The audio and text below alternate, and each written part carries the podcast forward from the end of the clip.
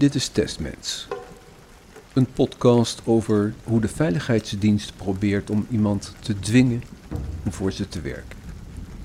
En als dat niet lukt, die persoon te gebruiken als proefpersoon. Testmens. Zoveel toevalligheden, zoveel voorbeelden dat het waar is. Dit verzin je niet.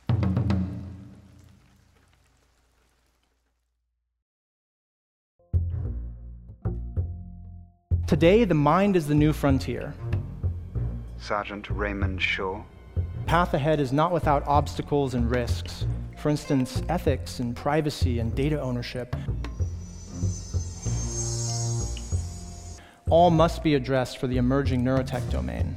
Computers are better than we are as human beings, but the special part of it is behind that system.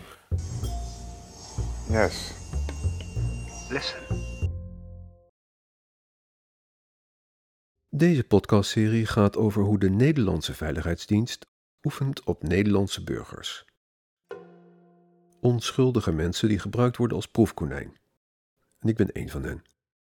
Mijn naam is Remo en ik maak deze podcast.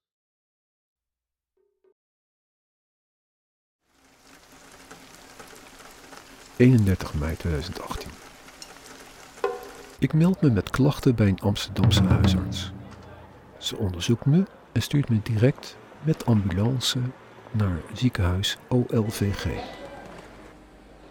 Ik krijg onderweg twee keer pufjes tegen hartklachten. Ik ben heel relaxed en rustig. Als ik op mijn bed lig, na de onderzoeken in het ziekenhuis, brengt een jong zustertje mij boterhammen. Met geschrokken gezicht. Ze zegt me het niet op te eten, want er zit iets doorheen. De vrouwelijke arts bezoekt mij en mompelt dat het is om rustig te worden. That's it. Ik sta op en verlaat het ziekenhuis via een nooduitgang in de kelder. Daarbij passeer ik een bewaker achter een glazen wand. Ik moet ook nog een deurdrains ontkoppelen en er gaat een alarm af. Nu ben ik buiten en ook al voorbij de normale uitgangen, nu nog van het terrein af. Bij het verlaten van het terrein, bij het tweede hek, staan een man en vrouw bij een auto me verbaasd aan te kijken. Ik heb ze overlopen. De man zegt: Ik denk dat jij met ons meegaat. Zet het op een stevige pas, de stad in. Ze roepen mijn naam nog. Remel? Meest duidelijke oppikmoment. Ze weten mijn naam. Maar ik ga niet mee in een auto van een veiligheidsdienst die me eerst tranquilizers of andere medicijnen probeert toe te dienen.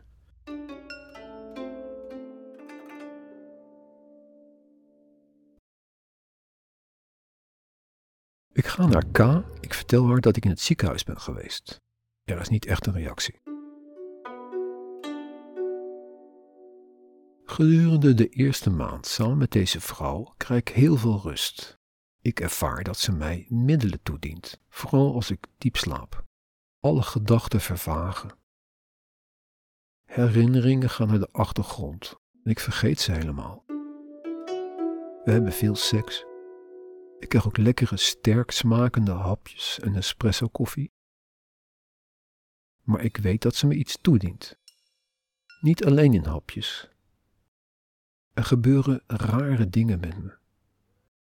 Ik ervaar echt neurologische reacties. Trillen, vergeetachtig, wazig gezicht, haspelen met woorden, tunnelblik, mijn handen die beven. Ik moet er iedere keer van bijkomen. Ik ben mezelf niet meer. Het kost me soms dagen. Eén keer voel ik mij zo vreselijk dat ik zelfs wanhopig zoek naar een manier om het leven te beëindigen.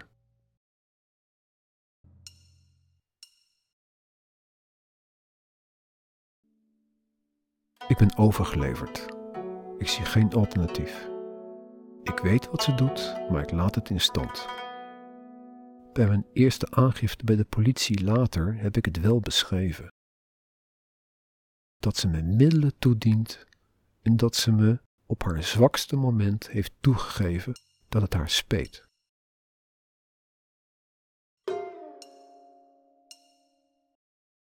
De zoon van K is jarig en daarom wil ze eerst langs een winkel.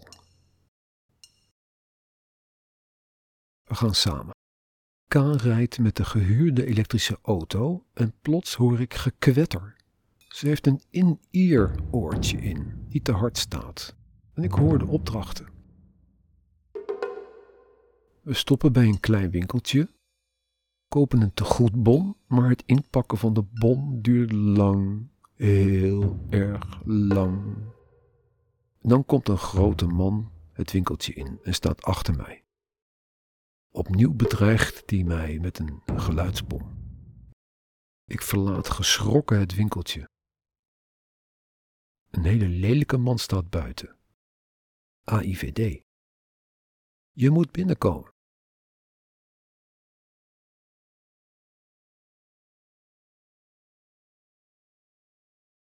Zomer 2018. K is jarig. Feestje, hapjes, draai muziek. Ook gedurende de dag lopen mensen binnen. K stelt me smiddags voor aan een onbekende jonge man. Ze zegt: Dit is de zoon van Hans. Die was een goede vriend van mij. Ik geef de jonge man een hand. Die middag lig ik boven in bed, moe met buikpijn. Dat is vreemd. Ik las jaren geleden in de krant dat huisjesmelker Hans was vermoord. Die zat in de drugs en huizen. Hij was berucht in Amsterdam en in de krakerskringen. Ik had zelfs tegen hem gedemonstreerd, maar wel lang geleden, in de tachtige jaren. Bizar dat K mij voorstelt aan de zoon van Hans. Let wel, dit is een paar jaar voordat ik verhoord word over de moord op deze Hans, met een verhoortechniek op afstand, zonder hoorbaar geluid. Op een avond liggen we in bed en verliest K haar in-ear.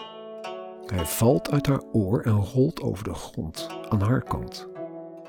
Ik hoor het rollen, maar ik sta niet op. Ben ik bang voor de onuitgesproken waarheid te ontdekken? En wil ik de situatie in stand houden, de status quo? Voor mij was het helder. K staat op uit bed en schopt het oortje onder het bed. De volgende dag is het weg.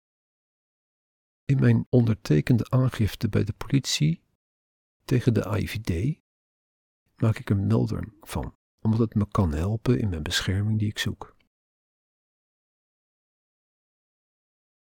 Creatief als ik ben, versier ik de volgende dag een eierdopje en schrijf er een tekst op. Bewaardoos voor in-ear en zet het bij haar bed. Ze zegt er niets van. Het staat er weken.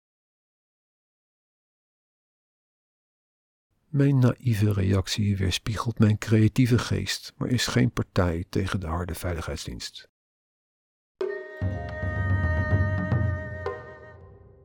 We liggen in bed in Amsterdam. K staat op en verlaat de slaapkamer even naar de badkamer.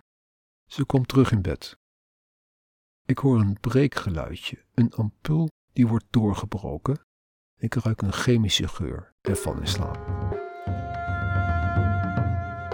Als ze dat twee jaar later nog een keer doet, in een ander huurhuis waar ze op bezoek komt, en ik, als ik wakker word, heel veel moeite heb met tijd, met mijn besef, is eindelijk het punt gekomen om definitief uit haar buurt te blijven.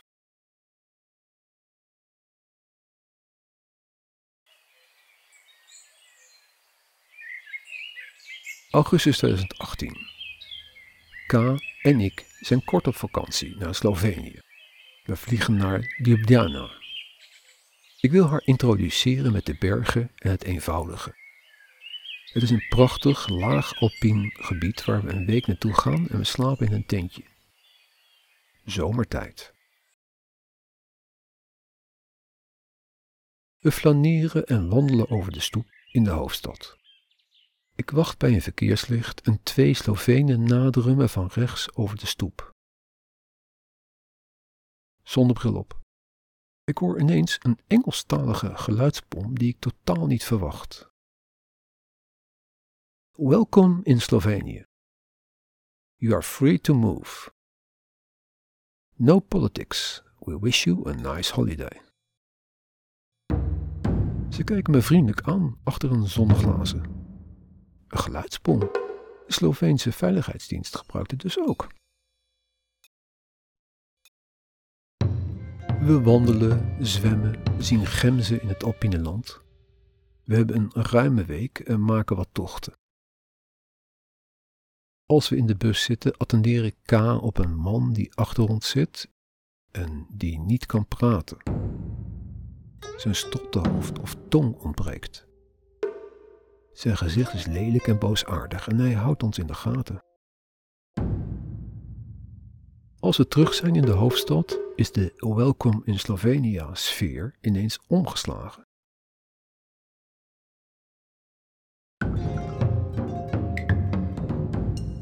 Zitten wat te drinken op een terrasje, tussen andere mensen in. Als plots een man met een grote tas tussen de tafeltjes doorloopt. Terwijl hij passeert hoor ik een Engelstalige geluidsbom met vrij veel tekst. Het is een heel laag geluid dat je even ontcijferen moet. En wat ik herinner is: verrader, je wordt vermoord. Ik hoor die tekst. Ik kijk gelijktijdig naar een jongen die tegenover me zit. Ik zie dat hij ook iets reageert, maar hij, hij merkt alleen de drukgolf.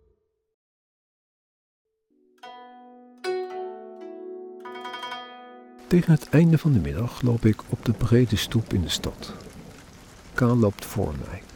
Op de stoep passeert een fietser, een vijftiger, op een veel te kleine mountainbike. Hij fietst mij heel zachtjes aan de linkerkant voorbij. Dan draait de Sloveen zich om en kijkt me boos aan en sist in het Engels. Verlaat het land onmiddellijk of je wordt vermoord. De volgende dag moeten we heel vroeg op om vanuit ons hotel naar het vliegveld te gaan. We gaan meteen naar bed.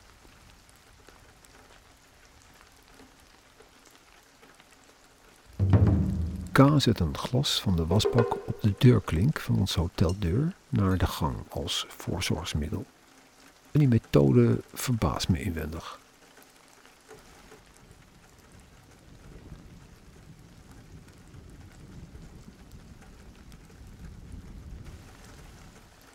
Ljubljana Airport. We arriveren bij de gate en de wachtruimte meteen na binnenkomst door de glazen deur. Die wachtruimte bestaat uit lange banken in rij. Er zijn ook twee glazen hokjes waar straks de tickets bekeken zullen worden.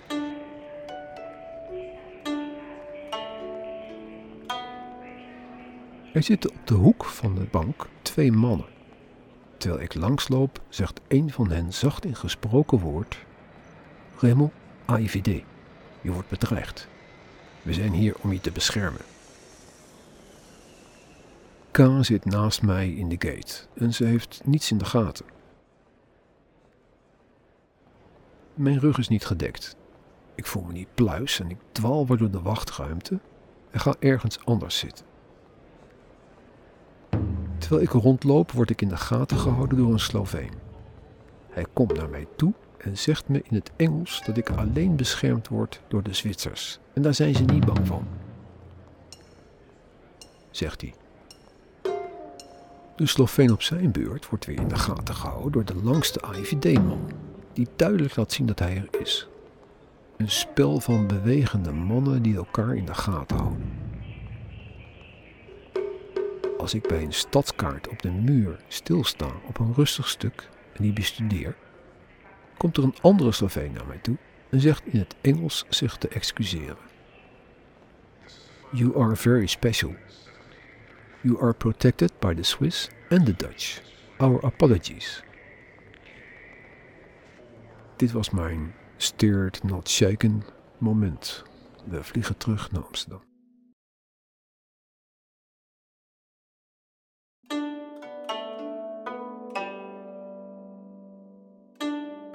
Een paar maanden later. K en ik hebben afgesproken in de bioscoop. Ik vertrek vanuit huis en als ik binnenkom zit ze met een man aan de bar te praten. Ze komt naar me toe en vanaf dat moment is alles anders. We kijken de film over het leven van Berlusconi, de feestjes, de meisjes, de macht, osservarne Daarna eten we bij de Italiaan. En fietsen naar huis. Maar niets is meer hetzelfde.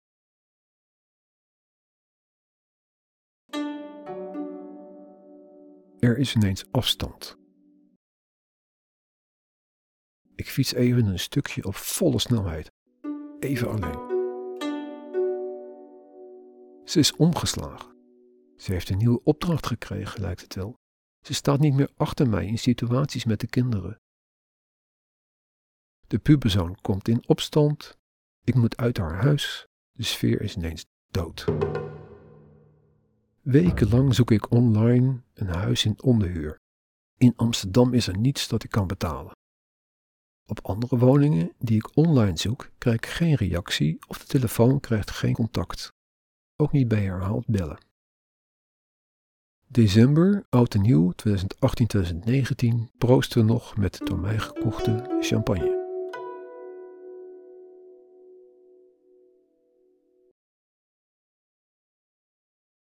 ...22 januari 2019. Er is een aanbod voor een mooi appartement aan een vaart in de binnenstad, ergens in Gelderland. Na oud en nieuw verhuis ik met een huurauto. Kaan rijdt mee. Ze zit naast me, we kletsen, het is ontspannen. Maar vlak voor ik uitstap om deze huurauto af te leveren, zie ik vanuit mijn ooghoek dat ze heel vlug, met een zwart verstuivertje die ze in haar hand heeft, op mijn nek richt. Ik had het totaal niet verwacht. Ik had het niet mogen zien waarschijnlijk. Ik raak in paniek en probeer mensen te bellen. Mijn broer, vrienden. Ik weet niet wat ze heeft gedaan. Ik wil laten weten waar ik ben en met wie. Ik spreek in op een ander apparaat. Wat was dit? Dit doet gevaarlijk aan. Maar het zal me later op station Zwolle nog twee keer overkomen dat iemand met een zwart verstuivertje me in mijn nek probeert te spuiten.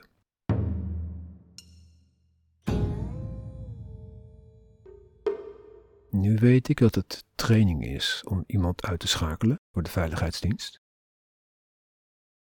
Toen was ik bang voor mijn leven. Dat zou jij ook zijn geweest.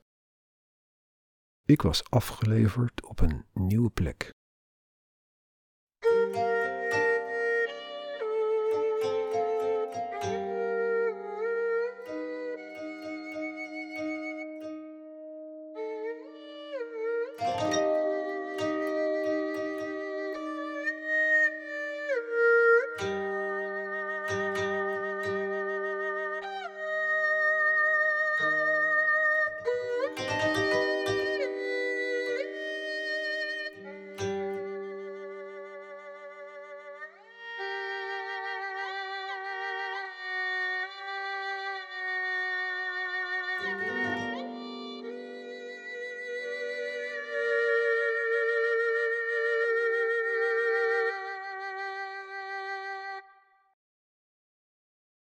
Het is winter.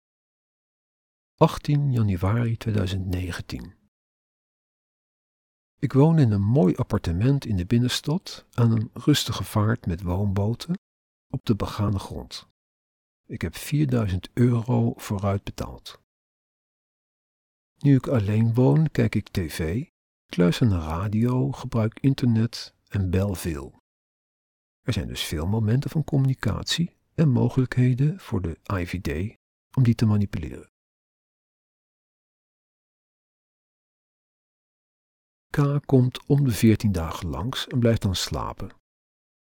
Ik miste haar enorm. Het leek wel of ik verslaafd was aan haar, letterlijk. Ze dient me iets toe in mijn slaap. Als op een dag de trap oploopt richting de slaapruimte en ik naar voren stap, zie ik dat ze een injectiespuit in haar hand heeft, die ze snel verbergt. Ik leed een beetje aan het Oedipus-syndroom, waarbij de gegijzelde gaat opkomen en houden van zijn gijzelaar.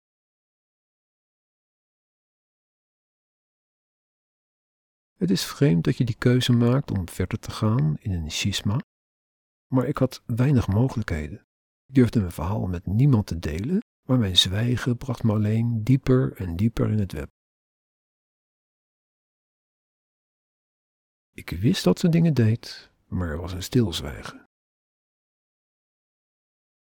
Toen we nog samenwoonden in Amsterdam, had ik ook maandenlang de zorg voor haar huishouden en kinderen op me genomen. Het huis was altijd brandschoon, de kinderen kregen goed te eten en ik probeerde een band op te bouwen. Ik was echt en verliefd. We bezochten in die tijd een marktkoopman thuis, die ook hapjes op het feest had verzorgd. Hij had een moderne vrouw, maar hij sprak over de jihad. Zijn ogen waren vurig. Twee weken later kwam ik terug bij K, de jihad. Dat jij dat nog weet, zegt ze. En ze verbeterde mijn geheugen met een betere weergave van zijn uitspraak. We hebben hem alles gegeven en geholpen, maar hij blijft radicaal, zegt ze. Er begon een vervelende periode en ik stond alleen. De opdracht aan K was gewijzigd, de relatie was anders, het ging nu om actie, mij gebruiken voor trainingsdoeleinden.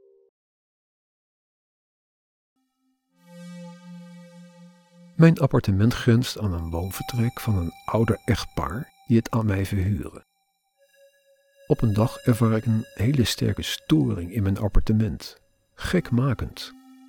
Als het op een zeker moment heel erg wordt, ga ik naar een zolder en doe het daar het raam open en steek mijn hoofd naar buiten. Een man loopt buiten mijn pand en schreeuwt: Doe dat raam dicht! Ga naar binnen! De AIVD loopt rond mijn huis. Ze willen me in dat huis vastpinnen. Voortdurend blootgesteld aan wat ik de zender noem.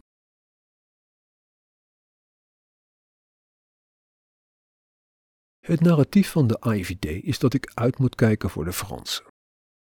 Zij zijn erg, maar de Fransen nog veel erger. Ze beschermen me, zeggen ze, maar feitelijk zetten ze heel veel druk. Er worden allerlei spookverhalen met me gedeeld via de tv Tamtam. Maar ik zie ook in dat beloftes nooit uitkomen en soms is de informatie erg ongeloofwaardig. Het is een psychologisch spel en ik ga steeds minder geloven.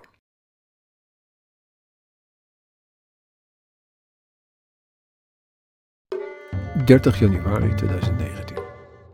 Ik ben een dagje naar Zwolle om een nieuwe telefoon te kopen. Daarna loop ik wat rond door de oude binnenstad en ga koffie drinken in een bruin café. Zo'n twintig minuten later komt er een man binnen met een baardje die meteen weer weggaat als hij me ziet. En vijf minuten later terugkomt. Nu hij weer terug is gekomen, vertrouw ik het niet echt. De barmevrouw heeft het niet zo op de politie. Terwijl ik afreken, zegt ze tegen mij dat ik moet uitkijken je wordt in de gaten gehouden, zegt ze. Bij het verlaten van het café zegt de man tegen mij: Je bent aangenomen. Ik heb dit in mijn eerste proces verbaal opgenomen. Nu weer dit, dan weer dat. Ze spelen met me. Voor mij maakt het overigens geen verschil. Ik beschouw alles als onbetrouwbaar.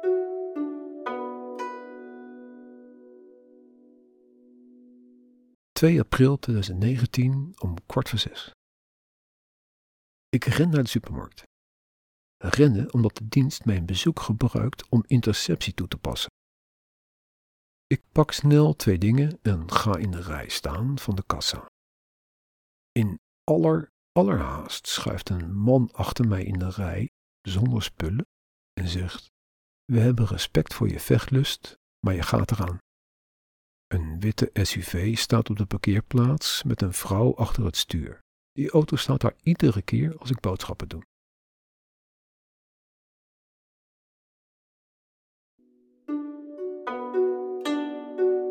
Stem, we gaan je vermoorden, Raymond. Je weet te veel. Je moet binnenkomen. Omdat er heel veel dreiging is, ga je ook onschuldige dingen als dreiging ervaren. Ik voel me zeer onveilig en ik besluit aangifte te doen bij de politie tegen de AIVD en ik ga op zoek naar een advocaat. Die zit in de stad Zwolle.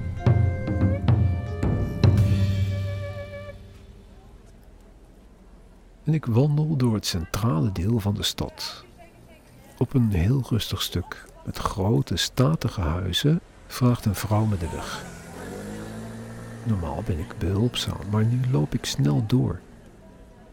Ze kijkt om zich heen of iemand kijkt en daarna neemt de vrouw met een lange, flodderige jas me op de korrel met een paraplu-geweer. Ik ben net op tijd buiten haar bereik weggelopen. We krijgen je wel, schreeuwt ze gefrustreerd. Mijn intuïtie redt mij weer. Een vrolijke jongen passeert me later en zegt tegen mij: dacht toch niet dat het echt was? Maar voor mij was het keiharde realiteit. In 2019 had ik nog niet het besef dat al die ellende er was omdat ze wilden oefenen. Voor mij was het eenzame realiteit.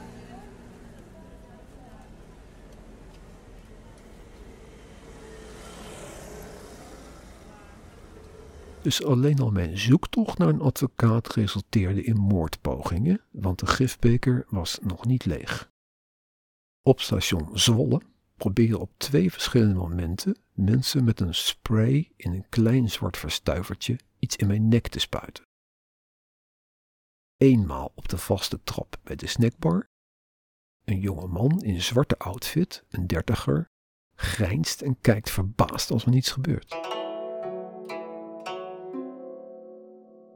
En eenmaal op het perron, als ik daar sta en een lange grijze man met slecht gebit, die via de roltrap omhoog komt en in een vloeiende beweging met het zwarte flesje mij iets in de nek spuit. Ik ben te verbaasd om te reageren. Was het een oefening? Mijn idee toen was dat ze probeerden om me te vermoorden, maar dat het mislukte. Of kreeg ik hier les in hoe het moest? Ik moest praten als brugman en valkuilvragen beantwoorden, maar uiteindelijk geloofden ze me wel op het politiebureau. De aangifte poging tot doodslag is opgenomen in februari 2019. Ik benoemde moordpogingen, de oproep om binnen te komen en ook K met haar rollende in-ear. Door mijn aangifte staat er iets op papier. Er is een feitenrelaas, een beschrijving. Ik hoop op die manier een betere bescherming te krijgen als Nederlander met burgerrechten. Na mijn aangifte wordt de druk nog meer opgevoerd, dus helpen doet het nauwelijks. Het is even een tijdje rustig, maar dan komt de volgende aanval. En nu zijn er ook gevolgen. Tijdens een busrit naar Zwolle stappen na mij een jongen en meisje in de bus. Ik moet even wachten en op dat moment sprayen ze mij. Ik hoor ook het geluid van de verstuiver. Psst. De jongen die dat doet en achter mij staat, zegt hardop tegen mij: Moeten de jongeren het weer opknappen?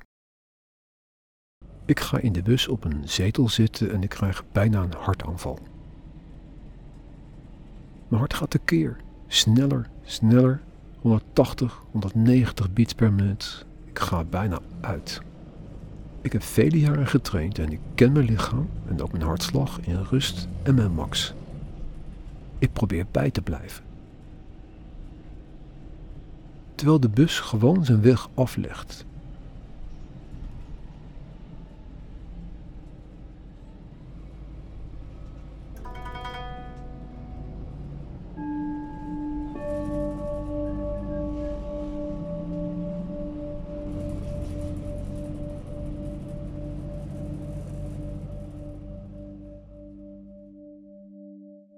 Weer wat later.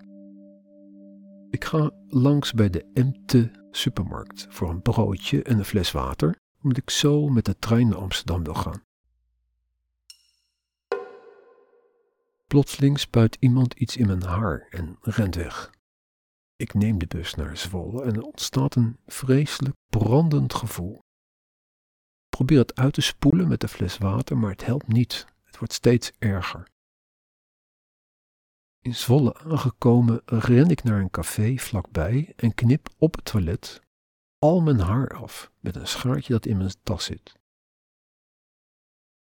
Ik zeg verbaasde cafébezoekers dat het een weddenschap is voor de bruiloft van mijn broer en vraag aan iemand assistentie voor de laatste plukjes.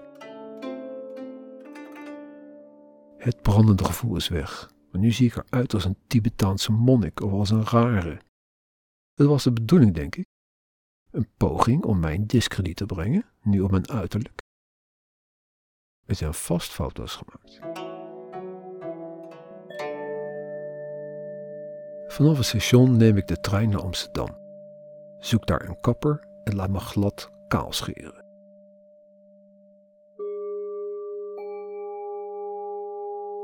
In een espresso bar bel ik naar K. Ze komt langs, maar zegt niets over mijn kale hoofd. Niets. Ben er zelf maar over. Een beetje een treurige meeting zo met z'n tweeën. Ik verblijf de nacht bij een oude kennis, C, in Amsterdam. C is nieuwsfotograaf en goed op de hoogte van de politiek en heeft affiniteit met de Russen. Hun media, hun verhaal.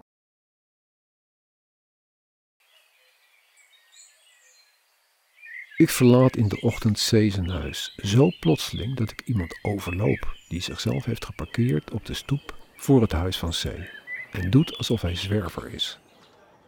Ik zie nog net dat hij iets doet met een apparaat en een antenne op een handstatief. Terug naar huis ontloop ik de man met de paraplu en schud andere vermeende agenten af. Ga incognito naar mijn huis door vaak over te stappen op verschillende treinen in verschillende richtingen en door me te verstoppen in groepen toeristen camera's te ontlopen. Deze training hebben ze verloren. Via de tv Tamtam krijg ik complimenten. Goed gedaan, Raymond. Ze hebben je niet gezien. Ik ben een onbetaald proefkonijn geworden en de veiligheidsdienst gebruikt me als een speeltje. Straling, spuiten, medicijnen, slaapmiddelen, prikken, moordpogingen, afluisteren en volgen. Ik maak alles mee. En of ik wil of niet, ik leer ervan. Maar ik beschadig ook mijn oorspronkelijke zachte kant.